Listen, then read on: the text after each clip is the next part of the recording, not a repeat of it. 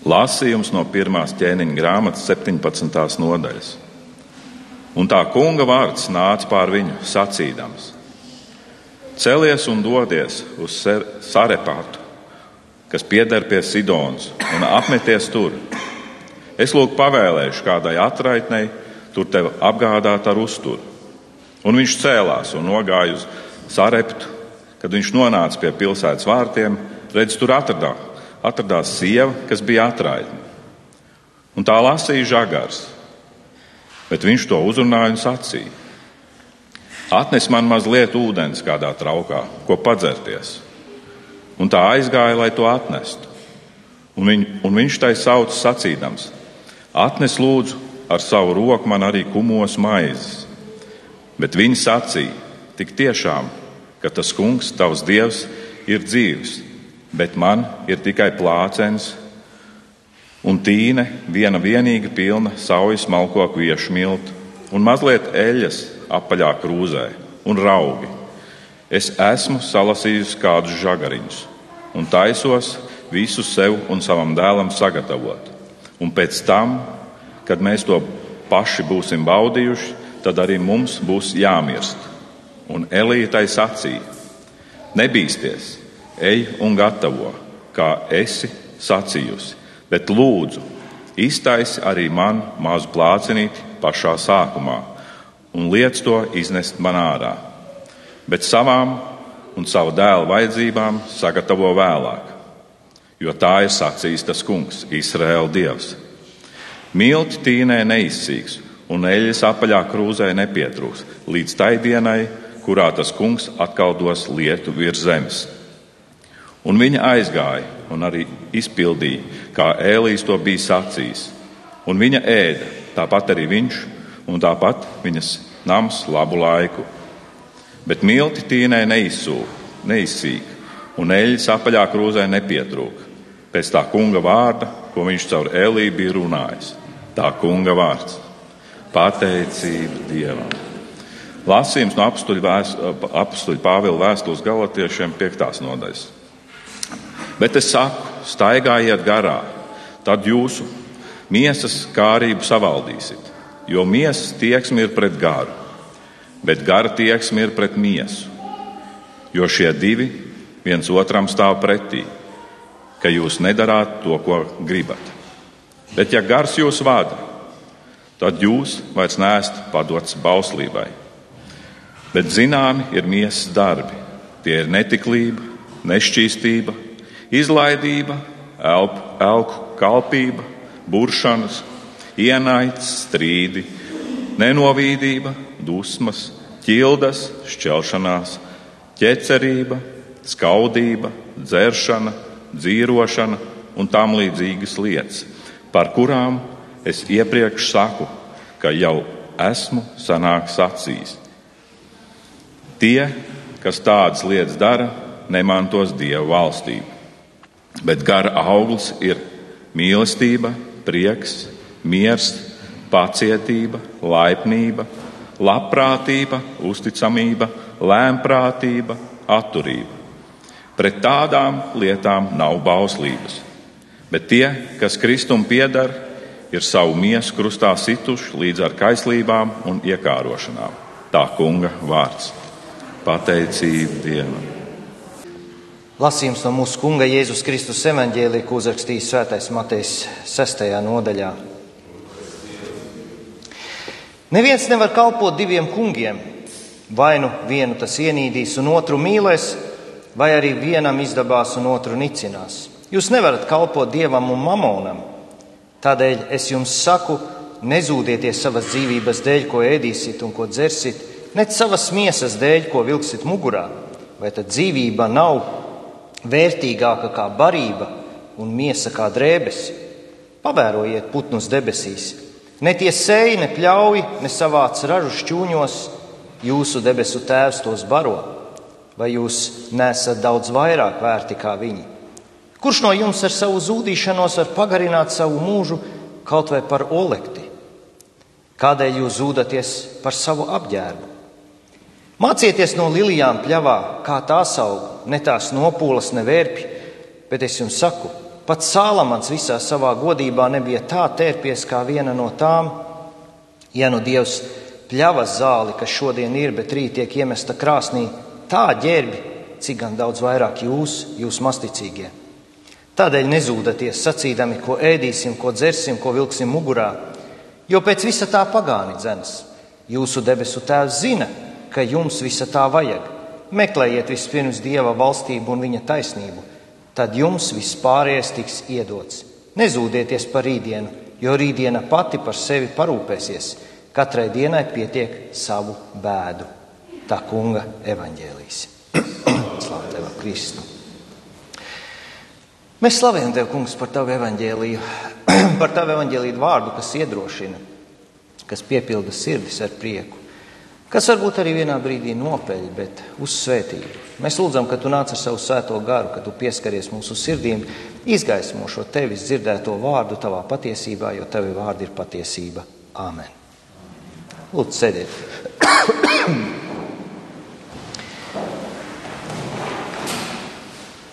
Šīs svētdienas rakstu vieta, evaņģēlīs, ļoti spēcīgi mūs uzrunā ar ļoti zīmīgiem vārdiem. Pagara rakstvieta. Jēzus saka, neviens nevar kalpot diviem kungiem. Vai nu vienu tas ienīdīs, otru mīlēs, vai arī vienam izdabās un otru nicinās. Jūs nevarat kalpot dievam un mamonam, jeb mantai. Šie nav vien tādi virspusīgi vārdi no sērijas, nu, ka būt man, mantkārīgam ir slikti. Bet šie ir ļoti dziļi vārdi, kas iet pāri laikiem, un katros laikos šie vārdi ir kristiešus dziļi uzrunājuši un stiprinājuši arī. Jēzus zina, kas ir cilvēka lielākie apdraudējumi. Manta ir tā, viena no tām visbīstamākajām, jeb mantkārība, kura ātri var kļūt par elku. Tajā ir tā bīstamība, bet elks ir tas, kas stājas Kristus vietā. Starp citu, vārds antikrists tas vien nenozīmē, kas ir kaut kas pret Kristu, bet antikrists nozīmē arī kaut kas, kas ir Kristus vietā. Un apustulis Jānis par to runā 1. Jāņa 2.18. Divas raksturietas jums nolasīšu, kur viņš saka, 18. pantā, bērniņi ir pēdējā stunda, jo, un jūs esat dzirdējuši, ka nāk antikrists. Jau tagad ir cēlušies daudzi antikristi, no tā mēs zinām, ka ir pēdējā stunda. Un Jāņa, 1. Jāņa vēstule 4, 2 līdz 3. Tā pazīsiet Dieva garu. Katrs gars, kas apliecina Jēzu miesā nākušu, ir no Dieva, un katrs gars, kas neapliecina Jēzu, nav no Dieva, bet tas ir antikrista gars, par ko jūs esat dzirdējuši, ka tas nāks, un tas jau tagad ir pasaulē. Nu, šie vārdi arī mums liek ļoti sarosīties, Ja mēs skat, paskatāmies šodienas pasaulē, īstenībā ir ļoti maz tā, kaut kas tāds pasaulē, kas apliecina Jēzu Kristu miesā nākušu. Un tā, kad mēs kaut ko ieraugam tādu, mēs priecājamies. Viss pārējais ir vai nu pret Kristu, vai arī grib ieņemt Kristus vietu. Un tā ir kino industrija, šobiznesa, kas Kristu stumj ārā To ir izdarījusi arī zinātne laika gaitā, medicīna, izglītība, politika. Un šīs nozares šodien nav vien izstūmušas Kristu, bet sāk jau agresīvi vērsties pret Kristu un mēģina tur būt um, Kristus vietā. Ir bijuši, protams, laikmeti, kad valdīja ļoti antikristīgas valdības, un kristieši ir bijuši vajāti, Tie bēga, slēpās mežos, eh, dibināja savus kopienas. Jā, daudz kristieši arī tika iemest cietumos un nogalināti. Šodien nav vairs iespējams aizbēgt un noslēpties. Tāds laikmets šodien ir. Es zinu, ka Anglijā kāds aizbēga vai slēpjas no policijas, kad viņi paceļ augšā helikopteru, nav iespējams noslēpties. Vienīgi, ka pūlī ieiet iekšā un arī ir tāds izsekošanas ierīces, ka momentā viņi notver. Ja valdība šodien agresīvi vērstos pret kristiešiem, tad nebūtu iespējams aizbēgt un noslēpties. Un Bībele rāda to, ka tad neviena antikrista gars varētu pārņemt šos valdošos slāņus, bet atklāsmes grāmata rāda, ka pats antikrists nāks pie varas. Un galvenais spiediens, kas tiks izdarīts uz kristiešiem, tas būs ekonomisks un politisks. Un Jāņa atklāsmes grāmata runā par to, ka bez šīs zvēra zīmes nevarēs ne pirkt, ne pārdot. Tātad ekonomiskas sankcijas. Cilvēki, kuri no šīs zīmes atteiksies, jeb kuri nevēlēsies piederēt šai valsts sistēmai, un šī valsts sistēma ir tas zvērs, ko es nezinu, varbūt viņi tā arī nosauks, tad tie, kuri nevēlēsies šo zīmi pieņemt, tie tiks no šīs ekonomiskās zonas izslēgti. Ja, ja tā būs visa pasaule, tad vispār izslēgt ārpus likuma. Un ārpus likuma tur ir vajāšanas. Daudzi kristieši baidās no šiem čipiem. Es nezinu, es nekur atklāsmes grāmatā neredzu neko par čipiem. Nu, čips, čips tas ir tāds maza drusciņa no angļu valodā. Čipa. Mēs zinām, čips mēs ēdam. um, baidās no implantiem, jo Jāņa atklāsmes grāmata runā par šo zvēra zīmi, ko, ja cilvēks pieņems, tad viņš nevarēs atgriezties pie Dieva un tapt glābts. Kas tad ir šī zvēra zīme? Es nevaru pateikt, kādā formā tā tiks realizēta, bet tas, ko es varu pateikt, ka šī zvēra zīme dos piekļuvi šai um, antikrista ekonomikai, ko viņš realizēs. Bet šīs zīmes kas, kas tiks, tā, tā, tā būs tāda piederības zīme, bez kā nevarēs piedalīties šajā ekonomikā, ne pirkt, ne pārdot. Tātad. Un mēs varētu iztēloties kaut vai šodien, kas notiktu, ja cilvēki vienkārši izmestu ārpus ekonomikas. Mēs zinām, ka šodien ir ļoti populāra kancela kultūra, varbūt esat dzirdējuši, ka tā mēdz kaut kur parādīties, un, un arī Latvijā ik pa laikam kaut kas tāds uzplaiksnī. Eh, ja kāds nerunā to, ko valdošā ideoloģija vēlas, tad šāds cilvēks tiek kancelēts. No angļu, valoda vārd, eh, no angļu valodas vārds kancel nozīmē atcelt. Šis cilvēks tiek atcelts. Jeb ar šo cilvēku vairs neviens nevēlas sadarboties. Um, lai kāds varbūt varonis šis cilvēks nebūtu bijis iepriekš, viņš ļoti strauji dabū savu reputāciju ar mīnuszīmi. Um, Tā, es esmu pārlecis pa vienu. Es, eh, te, te ir um, eh, Kanādas eh, smago mašīnu šoferi. Jūs varbūt dzirdējat kaut kur ziņās, ka pandēmijas laikā viņi protestēja pret valdības patvaļu, un kas notika? Viņu bankas konti tika nobloķēti. Bija kāds cilvēks, kas viņam, viņiem veda ēst un dzert, arī viņu bankas konti tika nobloķēti. Gribu parādīt jums vēl vienu vīru. Tas ir Jordans Petersons. Mēs ar Raimondu Nāju, ne, es neatceros vairs datumu, septembrī.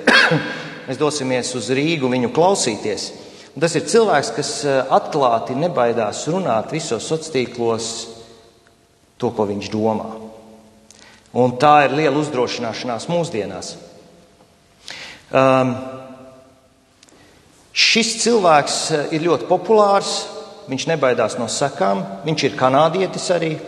Viņš ir kanādiešu klīniskais psihologs un Toronto Universitātes psiholoģijas profesors.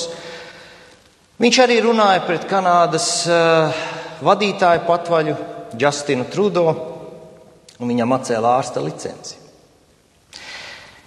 Uh, iespējams, ka Latvijā varbūt kaut kā var izdzīvot bez bankas konta. Nu, tas ir tas, kas ir tāds ļoti radikāls līdzeklis. Es domāju, tādā valstī kā Lielbritānija, kā būtu izdzīvot bez bankas konta. Tu darbu nevar dabūt, pabalstu tu nevari saņemt, tev principā nav kur dzīvot, un tu nonāc uz ielas. Un tur nav tik vienkārši dabūt banku. Tur, tur daudz dabūja ilgi pacīnīties, kamēr viņi banku dabū. Ļoti, ļoti uzmanīgi šos cilvēkus pārbauda. Man liekas, ka Latvijā daudz vienkāršāk ir tikt pie bankas. ja šodien mēs izdomātu, ka mēs gribētu pateikt, nu, es negribu būt banka klients, es neusticos bankām, kā mēs izdzīvotu? Šodien jau būtu grūta dzīve. Un es gribu parunāt vēl par vienu tādu fenomenu, varbūt jūs esat dzirdējuši tādu burtu salikumu CBDC. Es tur sameklēju tādu bildīti, nu, vairākas bildītas. Tas tiek ļoti aktīvi lobēts. Kas ir CBDC? Central Bank Digital Currencies. Centrālās bankas digitālā valūta. Un šī ir jauna naudas un norēķinu forma, kas iepriekš nekad nav bijusi. Un šī naudas forma ir vēl tuvāk tam, lai cilvēks būtu zem maksimālas kontrolas. Un CBDC nav tā pati nauda, kas mums ir uz konta digitālā formā. Tā nav tā nauda. Šī CBDC nauda ir ar derīguma termiņu. Tā ir viena no tām īpašībām, jo tur viņai viņa programmējama nauda. Un, ja neesi iztērējis šo naudu, kas tev ir piešķirta uz noteiktu termiņu, viņa dzēšās, piemēram, Naudu attiecīgās iestādes var dažādi ieprogrammēt, piemēram, ka to arī pirkt tikai noteiktas preces vai pakalpojumus, vai iegādāties kaut kādā ierobežotā daudzumā, biežumā.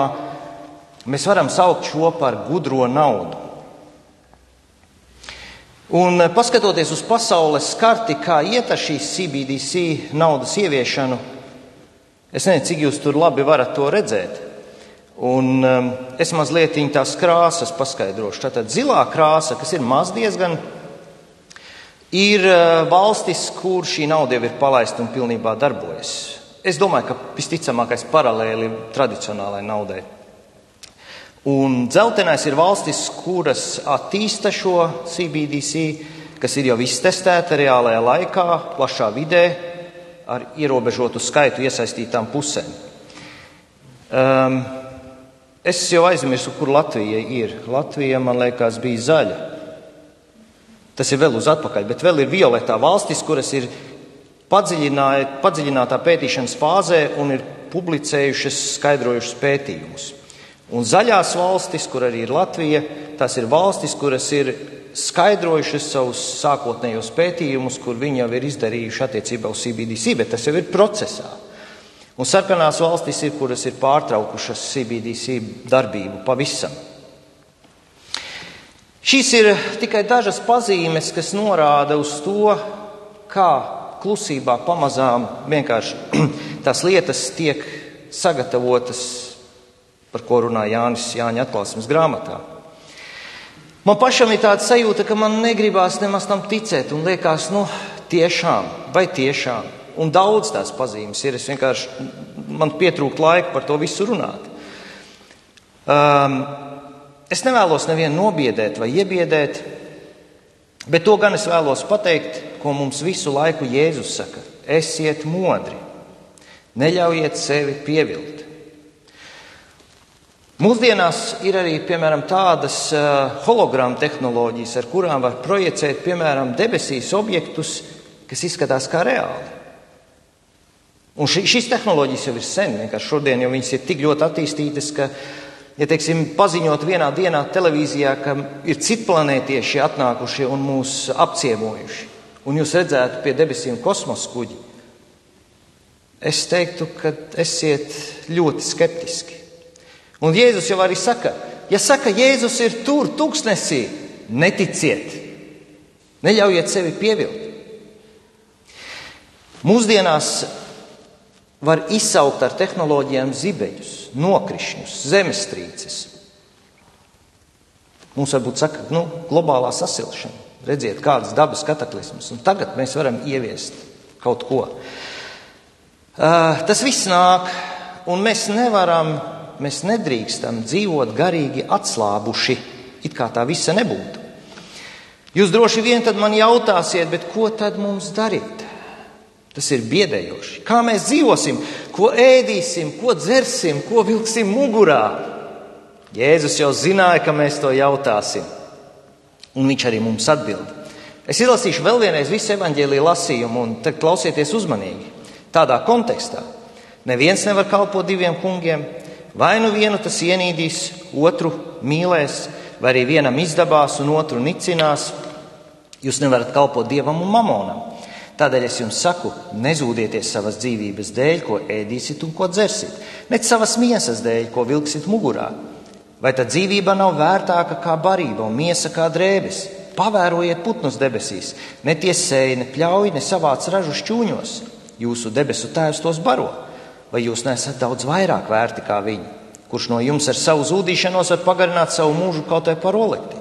Kādēļ jūs zūdaties par savu apģērbu? Mācieties no lilijām pļavā, kā tās aug, ne tās nopūles, ne verbi. Bet es jums saku, pat Sālamans visā savā godībā nebija, tērpies, nebija tā tērpies kā viena no tām.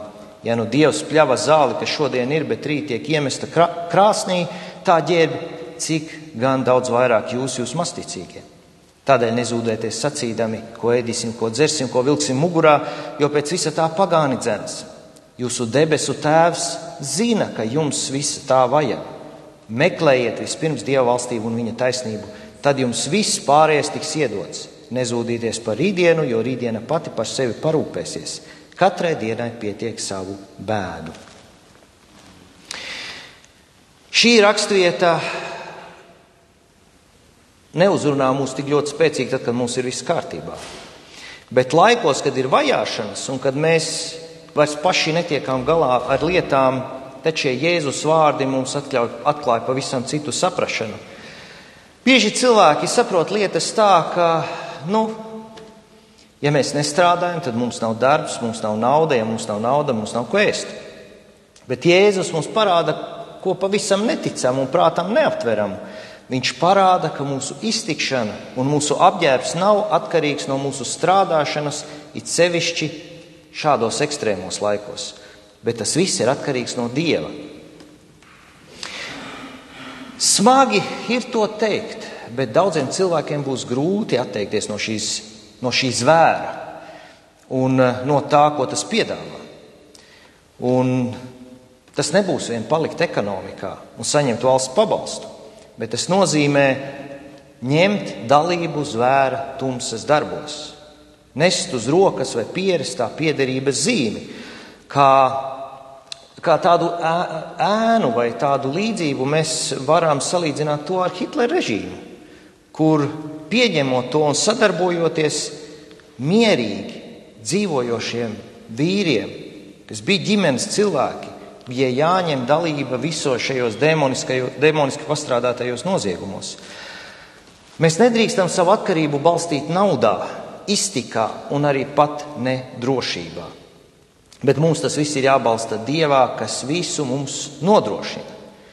Un šie ekstrēmie apstākļi tie mūs ļoti pārbauda. Savukārt zudīšanās tā ir pazīme, ka mēs neesam gatavi uzticēties Dievam. Zudīšanās īstenībā ir pazīme neticībai tam, ka Dievs par mums varētu rūpēties. Un nejaucam zudīšanās nav, ka mēs padalāmies ar brāļiem, māsām ar savām problēmām un pakratām sirdi. Nē, zudīšanās nav, kad mēs lūdzam pēc palīdzības vai aizlūgšanām. Bet zudīšanās ir neapmierinātība, kur galu rezultātā tā vēršas pret Dievu un kas, pas, kas pasaka, tu Dievs esi pie tā viss vainīgs.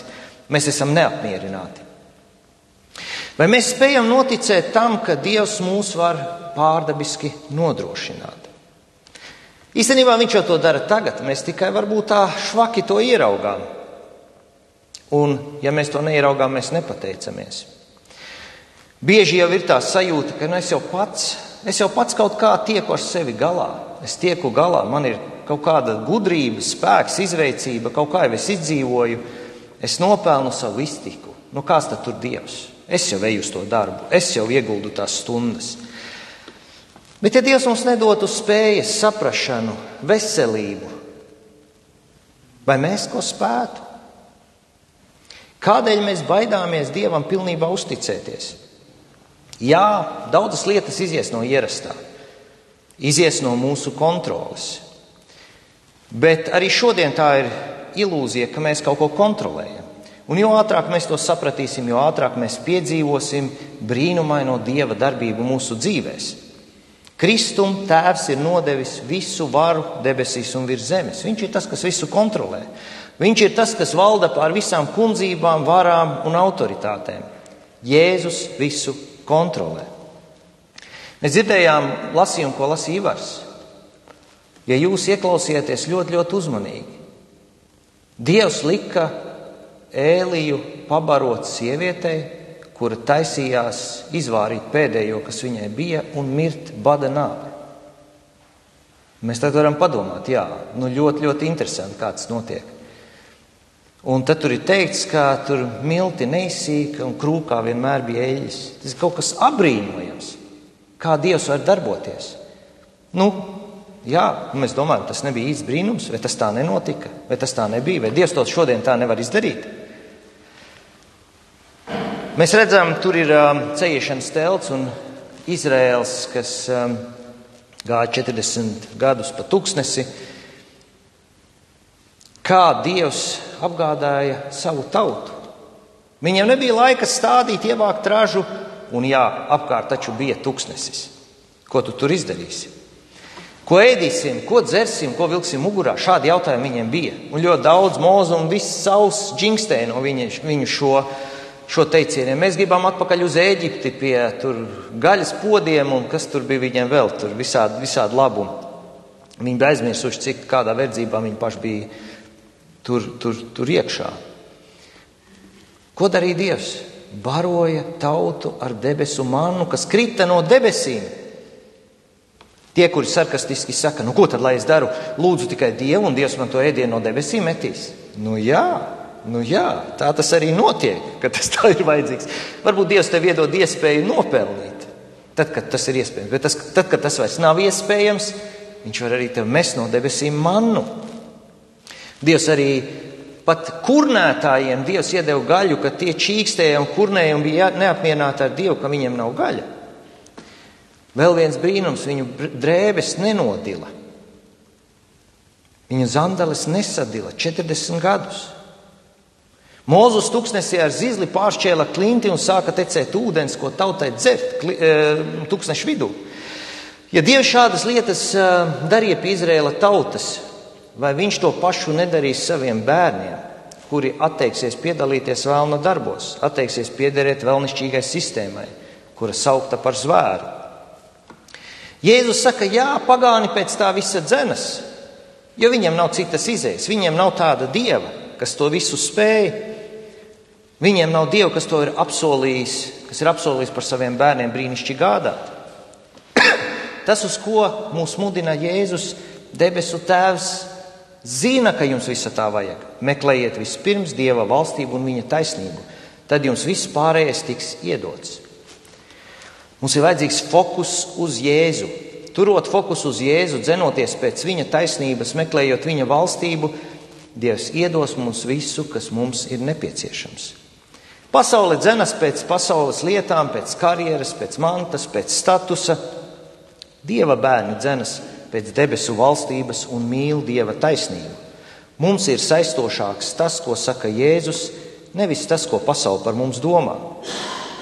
Īstenībā šī vēsts ir saistoša kristiešiem jebkurā vietā un jebkurā laita, laikā. Un it īpaši šis evaņģēlīja lasījums mūs ļoti, ļoti stiprina, kad mēs esam pietuvojušies laiku beigām. Lai mēs neizbītos, lai mēs nekristu izmisumā, bet lai mēs priecātos, ka Dieva brīnumi ar lielāku spiedienu kļūst ar vien lielāki. Ar šo vēsti Jēzus kārtējo reizi apliecina, ka Dievs mūs ļoti mīl un augstu vērtē daudz augstāk par visu radību. Viņš eh, par mums rūpēs bez robežām.